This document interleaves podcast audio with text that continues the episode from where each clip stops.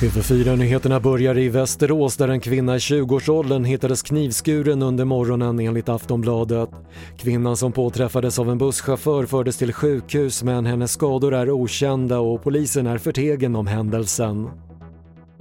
Coronapandemin har fått antalet ärenden till Allmänna reklamationsnämnden att öka dramatiskt.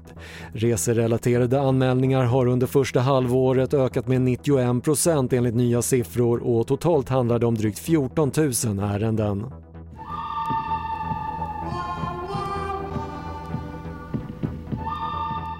Den italienska kompositören Ennio Morricone har avlidit.